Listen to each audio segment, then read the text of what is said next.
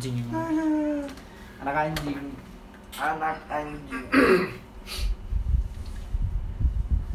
aduh Lu topik di podcast ya di sini. apa Di podcast. podcast bi Podcast itu betul podcast. Eh, ya, nanti cerita cerita tentang pengalaman terburuk kamu ketika masa-masa gue udah dulu tuh gue tuh guys gue udah pacaran 6 tahun di mana Tai.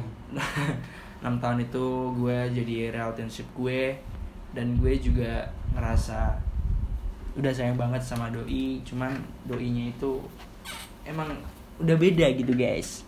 Jadi gue di sini mau cerita kalau misalnya uh, emang hubungan yang berjalan lama itu belum tentu bakal selamanya ya jadi tetapan kalian harus semangat menjalani hidup hidup kalian dengan wanita-wanita baru Jangan terpaku hanya dengan satu wanita karena wanita itu ada banyak di dunia. Oke tentunya kita bakalan bergabung lagi di sini. Oke, see you on podcast guys.